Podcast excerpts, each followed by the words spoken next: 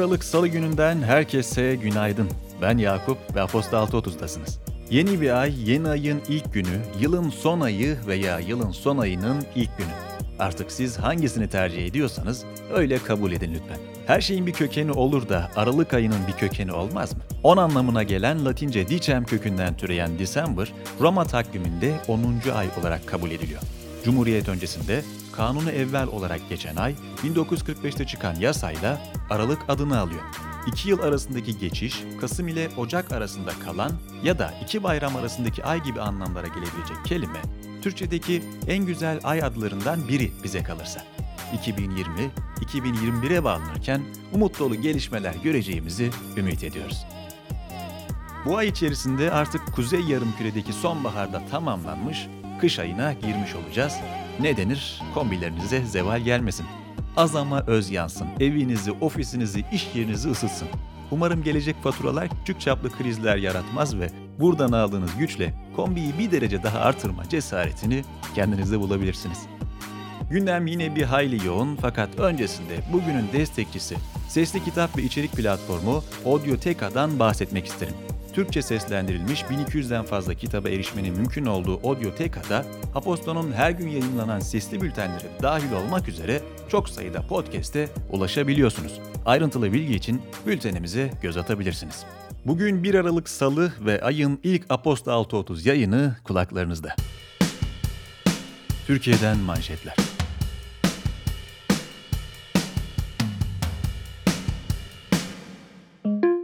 Cumhurbaşkanı Erdoğan, kabine toplantısı sonrası bugünden itibaren uygulanmaya başlanacak COVID-19 tedbirlerini açıkladı. Hafta içi her gün 21 ile 5 arası, hafta sonu ise cuma akşamı 21'den pazartesi sabah 5'e kadar kesintisiz sokağa çıkma kısıtlaması uygulanacak. Restoranlar paket servis dışında hizmet vermeyecek, market, bakkal, kasap, manav gibi işletmeler ve paket servis hizmeti veren yerler belirlenecek saatler çerçevesinde hafta sonu kısıtlamasının dışında tutulacak. Umumi Hıfzı Sıhha Kurulları, alışveriş merkezi ve semt pazarları için aynı anda kabul edebilecekleri müşteri sayısını belirleyecek alışveriş merkezlerine girişte HES kodu sorulacak. Türkiye İstatistik Kurumu verilerine göre gayri safi yurt içi hasıla Temmuz, Ağustos, Eylül aylarını kapsayan 3. çeyrekte önceki yılın aynı çeyreğine kıyasla %6,7 arttı. Üretim yöntemiyle hesaplanan gayri safi yurt içi hasıla tahmini 3. çeyrekte cari fiyatlarla yaklaşık 1,42 trilyon lira oldu. Hazine ve Maliye Bakanı Lütfü Elvan, 3. çeyrek büyümesinde yurt içi talep artışı etkili oldu değerlendirmesinde bulundu.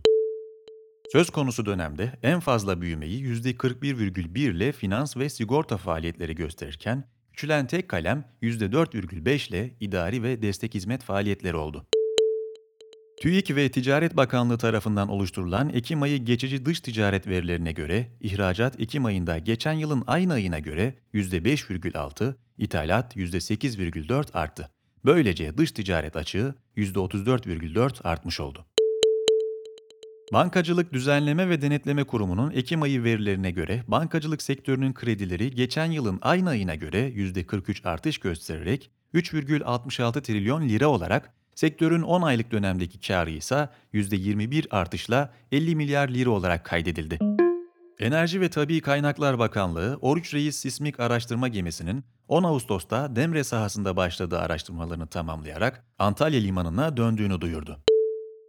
Geminin Antalya Limanı'na dönüşüyle ilgili bir soruyu yanıtlayan AB Komisyonu Sözcüsü Peter Steno, AB liderleri tek bir açıklama ya da hamle üzerinden hareket etmeyecek açıklamasını paylaştı.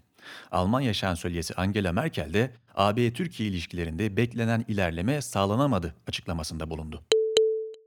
10-11 Aralık tarihlerinde gerçekleşecek AB Liderler Zirvesi'nin gündem maddelerinden biri de Doğu Akdeniz ve Türkiye ile ilişkiler olarak öne çıkıyor.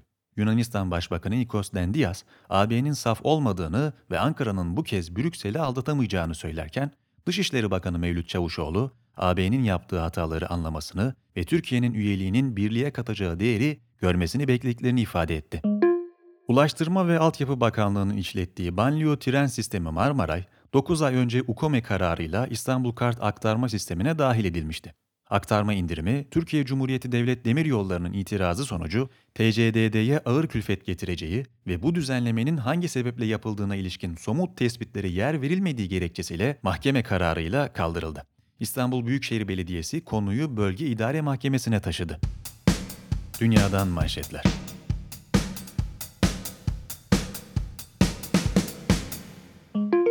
Küresel finans endüstrisinin en büyük veri sağlayıcılarından S&P Global, Londra merkezli rakibi IHS Market'i 44 milyar dolara satın alıyor.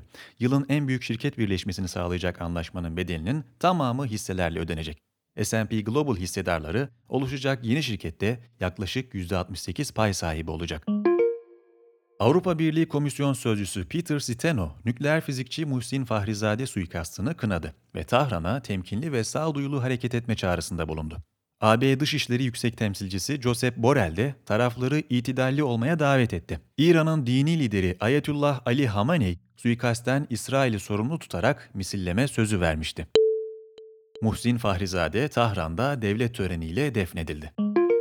Nijerya'da terör örgütü Boko Haram'ın ve IŞİD'in Batı Afrika kolunun aktif olduğu Borno eyaletinin başkenti Maiduguri bölgesinde en az 43 tarım işçisi öldürüldü. Saldırıyı henüz üstlenen olmadı. Fransa hükümeti polis şiddetine ve yeni güvenlik yasa tasarısına ilişkin protestoların ardından geri adım atarak tartışmalı tasarının 24. maddesini tamamen yeniden yazmayı onayladı.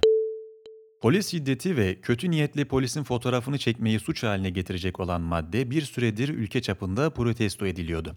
İçişleri Bakanlığı gösterileri 130 binden fazla kişinin katıldığını söylerken, protestoyu organize edenler katılımın 500 bin düzeyinde olduğunu ifade ediyordu. Mısır, Birleşik Arap Emirlikleri, Fransa, Yunanistan ve Güney Kıbrıs Rum yönetimi, Mısır'ın İskenderiye kıyısı açıklarında Medusa 2020 adı verilen bir tatbikata başladı. Tatbikat 6 Aralık'a kadar devam edecek. Avustralya yönetimi Çin Dışişleri Bakanlığı Sözcüsü Li Jin-jao'nun Twitter hesabından paylaşarak Avustralya askerlerini Afganistan'da sivilleri ve suçluları öldürmekle suçladığı sahte görsele tepki gösterdi. Avustralya Başbakanı Scott Morrison gönderiyi iğrenç, saldırgan ve rezilce olarak yorumlarken ülke Twitter'dan görseli kaldırmasını talep etti. İki ülke arasındaki ilişkinin Nisan ayında Avustralya'nın COVID-19'un kaynağı hakkında soruşturma yapılması çağrısı üzerine gerildiği biliniyor. Çin, Avustralya'dan gelen şarap, arpa ve et gibi ürünlere ambargo ve yeni gümrük vergileri uygularken, Avustralya'nın Huawei'nin 5G projesi başta olmak üzere Çin kaynaklı teknoloji yatırımlarını engellediği ifade ediliyor. Küresel araştırma ve danışmanlık firması Gartner'ın verilerine göre 2020'nin 3. çeyreğinde küresel çapta akıllı telefon satışları 366 milyon adetle önceki yılın aynı dönemine kıyasla %5,7 azaldı. Veriler, yılın ilk iki çeyreğinde daha büyük azalışlar gösteren satışların bu çeyrekte toparlandığına işaret ediyor. 5G destekli modellerin piyasaya sürülmesinin bu durumda etkili olduğu düşünülüyor. Covid-19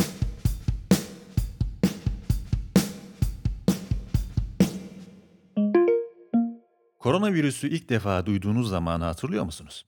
Hafızanız sizi soğuk bir kış gününde kalabalık bir arkadaş grubunun içinde laf arasında geçen bir muhabbete haberlerde uzak diyarlardaki gelişmeleri izlediğiniz o güne götürebilir. Ya da şimdilerde unutulmaya yüz tutan ofis ortamınızda felaket tellalı olarak adlandırdığınız iş arkadaşınızın hiç de muhtemel görmediğiniz dünyanın sonu senaryolarını dinlerken çayınızı yudumladığınız o ana geri dönebilirsiniz. Çoğumuz muhtemelen bu virüsün bir yıl boyunca tüm insanlığın hayatının merkezine oturacağını öngörememiştir. Öngörebilen bilim insanları ise çoktan çalışmalara başlamış olacak ki ilk koronavirüs vakasının görülmesinden tam bir yıl sonra tünelin ucundaki umut ışığı göründü. Kasım ayında 5 ayrı aşı çalışmasından ard arda yüksek oranda başarı haberleri gelirken herkes yeniden kalabalık bir masanın etrafında toplanıp normale dönüşü kutlamanın hayalini kurmaya başladı. Fakat her ne kadar aşının bulunması sonun başlangıcı olarak görülse de aşıların etkinliği, ücretlendirilmesi, depolanması ve dağıtımı konusunda büyük soru işaretleri mevcut. Tüm bu bilinmezliklerin çözülmesi durumundaysa aşılara geliştirme aşamasında yatırım yapan gelişmiş ülkelerin ilk stokları tekerlerini aldıkları, düşük gelirli ülkelerin aşıya erişiminin pek olmadığı ve en iyi ihtimalle 2024'te tüm dünyanın aşılandığı bir gelecek bizi bekliyor. Dünya Sağlık Örgütü'nün verilerine göre hali hazırda 67 aşı adayı çeşitli klinik denemelerde bulunurken bu aşılardan sadece 13 tanesinde son aşamaya geçildi. Bugüne kadar birçok şirketin başarısızlığa uğrayarak beyaz bayrak çektiği yarışın galibi ise Kasım başında aşısının %90'ın üzerinde etkili olduğunu duyuran Pfizer-BioNTech ortaklığı oldu. Pfizer'ın açıklamasından birkaç gün sonra bu kez Rusya, Ağustos'ta tescil ettirdiği Sputnik V'nin başarı oranının %92 olduğunu duyurdu. ABD merkezli biyoteknoloji şirketi Moderna son olarak aşı ile ilgili 3. faz klinik sonuçlarının %94,1 etkili olduğunu gösterdiğini, ağır vakaları önlemede ise %100 etkili sonuç verdiğini duyurdu. Yarışın öne çıkanlarından AstraZeneca ise bu hafta Oxford Üniversitesi ile birlikte geliştirdiği aşının %70,4 etkili olduğunu açıkladı. Çin'den de aşı hamlesi gecikmedi. Net veriler açıklanmasa da Çin otoriteleri 700 kişide test edilen Sinovac aşısının başarılı sonuçlar verdiğini bildirdi. Nurefşan Kutlu'nun sonun başlangıcı başlığıyla kaleme aldığı yazının diğer detayları için bültenimize göz atabilirsiniz. Yazının aşıların birbirinden farkları neler ve aşıya erişim nasıl olacak kısımlarını özellikle incelemenizi öneririm. Portre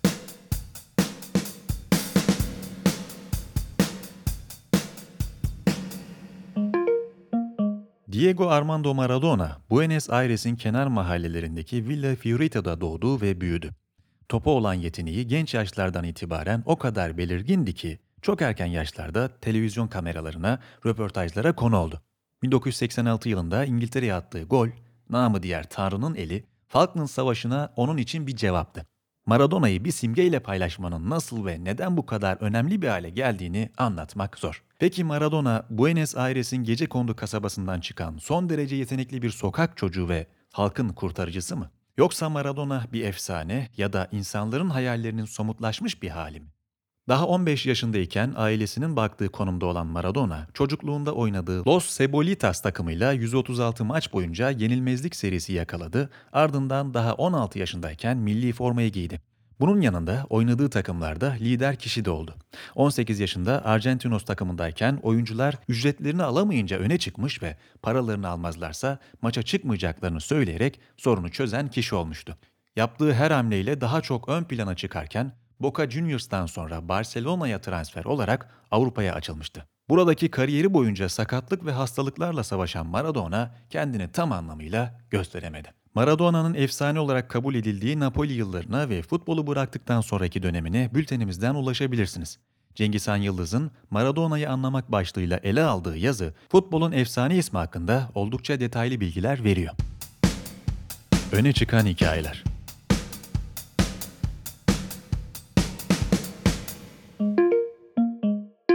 Pareto'da Evreka kurucu ortağı ve CEO'su Umutcan Duman, uzaktan çalışmanın çevresel etkilerini değiniyor. Aposto İstanbul'da Deniz Şenliler, tartışmalı Kanal İstanbul projesinin şehre ne gibi maliyetler olabileceğini ÇED raporu, Çalıştay raporu ve komisyon raporu gibi kaynaklardan derliyor. Kuando'da Ahmet Emir Kocaağ, yapay sinir ağı teknolojilerinin mümkün kıldığı sahte görsel üretiminde otomasyon uygulamalarını örnekliyor. Ekipten öneriler.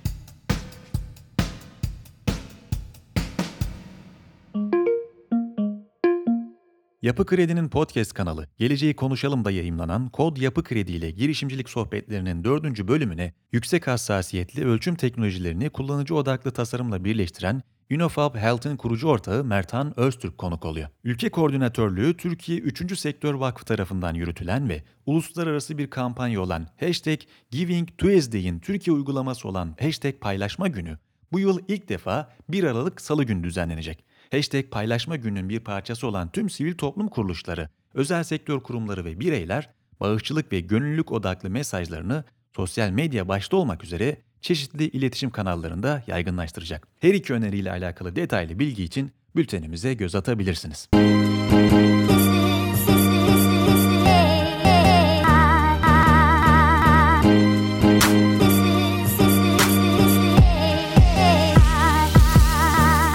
Bugün 1 Aralık Salı ve ben Yakup. Aralık ayının ilk yayınını sizlerle paylaştım. Perşembe günü yeniden buluşuncaya dek kendinize iyi bakmanız diliyor, sağlığınıza dikkat edin diyorum. سەیری لەکەڵ